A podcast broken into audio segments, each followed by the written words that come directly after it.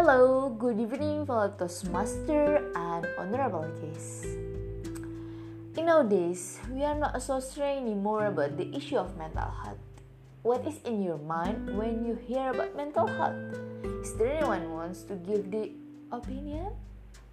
Okay, yeah, it was great. Based on the Department of Health and Human Services in US, mental health includes our emotion, psychological and social well-being. I got statement that mental health is more important than the task, the interview, the lunch date, the meeting, the family dinner, and from anything else. Is there anyone knows why mental health is so important? Yeah, amazing.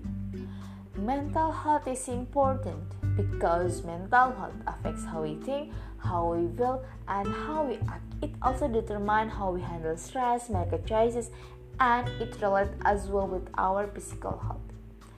From Mental Health Foundation, there is statement that poor mental health can negatively impact in our physical health. There are many researches have been conducted about the relationship about mental health and physical health. One of them I got from Journal of Health Psychology. The title is Relationship among Mental Health, Self-Esteem, and Physical Health in Chinese Adolescents, an exploratory study. The study used 9045 respondents. The result of the study indicated mental health has a correlation with our physical health.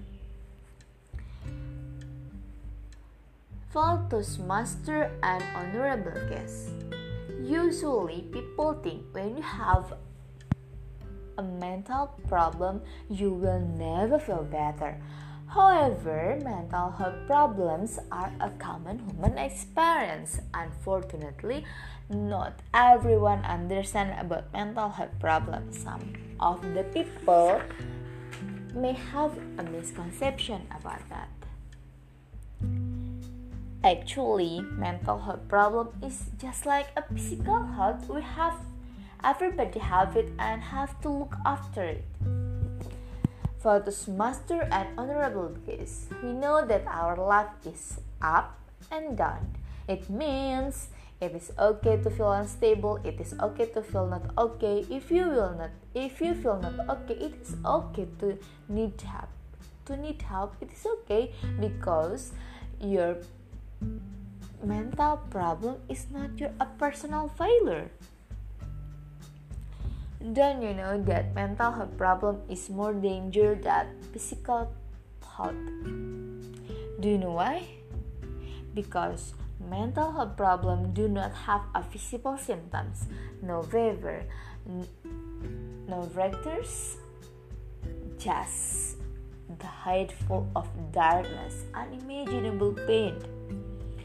And most people believe that mental health problems are rare. In fact, mental disorders are common and widespread. An estimate 450 million people suffer from such conditions, means that one or four people in the world affected by mental disorder. The data I got from World Health Report WHO 2001 and surprisingly it has increased. In 2017 around 970 million people worldwide had one or more mental disorders. Data produced by the Institute for Health Metrics and Evaluation in our world in data 2018. And actually, mental health problem is still un- significantly underreported. Means accurate and representative data in prevalence is difficult to define, so the reality is more than those numbers. Then, how th- that is the problem and how to decrease that numbers? Then you know that you can contribute to make lower the numbers. Then you know that you, you, you, and all the people in this room and everyone can help to reduce this problem. What you can do? The answer is simple applying the famous sentence that you usually hear from the small thing, from now, and from yourself. You and I have to look after our mental health. We have to prevent the mental health problem. Some of the way to do that are we have to love ourselves and be who we are. Remember, don't lose yourself for trying to love someone else. It is hard to lose someone you love, but it is worse to lose yourself while loving them. The most painful thing is losing yourself in the process of loving someone too much and forgetting that you are special too. Don't change yourself just to make someone love you. Just be yourself, be that believe that one day you will find someone who really love who you are. And don't force yourself to be perfect. Everything in this world is imperfection. If you will make yourself perfect it will be an illusion. Your perfection is perfection. You are unique. So love yourself be yourself and be the best version of yourself. Because we were born to be real not to be perfect. I'm anissa Thank you.